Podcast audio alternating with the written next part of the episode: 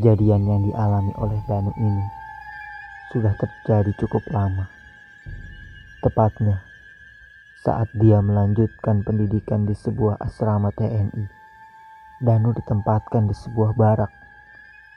Bangunannya sangat sederhana dengan desain barak pada umumnya dan memiliki toilet yang terpisah dari bangunan utama dan tersiar kabar bahwa kamar mandi itu ada penghuninya.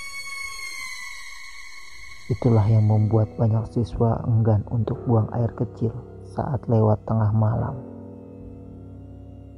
Danu yang tidak pernah ke toilet tengah malam saat itu tiba-tiba terbangun karena tak bisa menahan untuk buang air kecil. Dia pun langsung bergegas ke pintu belakang dan menuju toilet seorang diri.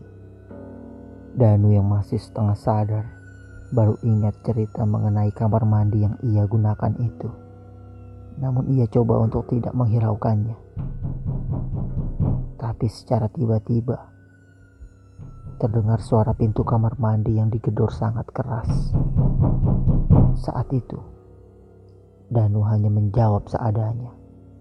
Dia menganggap mungkin itu temannya yang iseng. Tapi beberapa saat, suara gedoran itu semakin kencang dia pun berpikir bahwa itu adalah seniornya. Mohon izin senior, sebentar saya keluar. Setelah Danu berteriak seperti itu, suara gedoran itu berhenti. Danu membuka pintu dengan cepat. Namun dia tidak menemukan siapa-siapa. Dan ketika dia menengok ke arah pintu barak, suasana sangat hening dan semua lampu masih dalam keadaan mati. Kejadian lain yang tidak kalah menyeramkan adalah ketika para peserta pendidikan diundang makan malam bersama oleh Pangdam. Danu harus pulang paling akhir karena dia diminta untuk membantu seniornya. Dia berjalan sendirian menuju barak.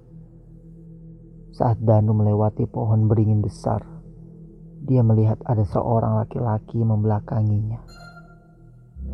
Laki-laki itu menatap ke arah pohon. Danu mencoba untuk mendekat.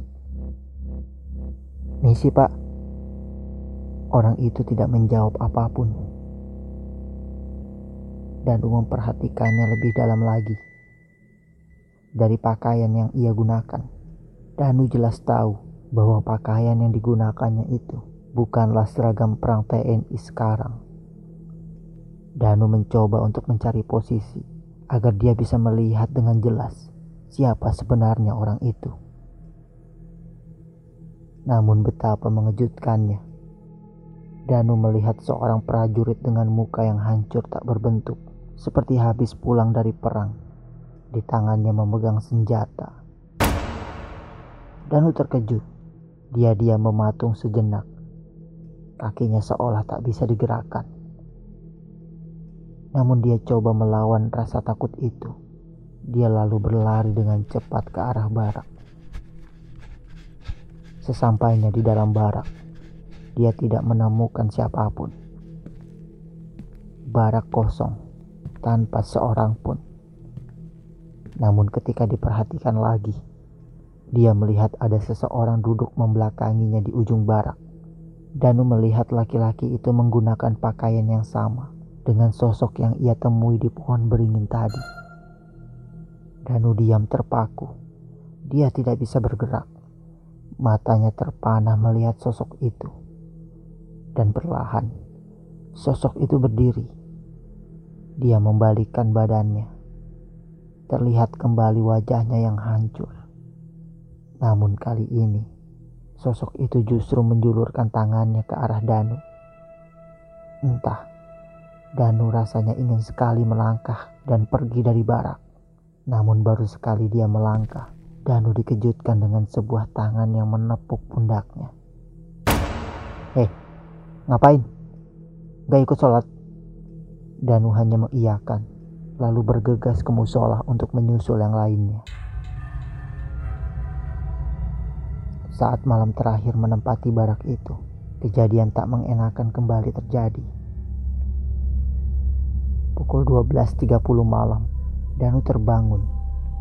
Namun kali ini, dia tidak ingin buang air kecil. Dia hanya terbangun, diam di atas kasurnya. Samar-samar dia mendengar ada suara langkah kaki. Kondisi barak yang gelap dan hanya ada cahaya masuk dari celah-celah gorden membuat Danu kesulitan melihat siapa yang berjalan itu. Dia berusaha menebak siapa yang datang. Terlihat jelas bahwa orang itu adalah orang yang sama dengan prajurit yang ia temui di pohon beringin. Wajah dan lukanya persis. Danu mencoba untuk berpura-pura tidur. Dia melihat orang itu berjalan dari depan ke belakang, lalu kembali lagi ke depan. Esoknya, Danu bercerita kepada siswa lainnya. Dan ternyata Beberapa di antaranya juga melihat apa yang terjadi semalam. Hingga mereka semua akhirnya mendapatkan jawaban dari senior. Seniornya berkata bahwa di sekitar barak itu sering kali berkeliaran arwah prajurit lengkap dengan seragam dan senjata. Dan apa yang terjadi semalam adalah ucapan perpisahan dari mereka.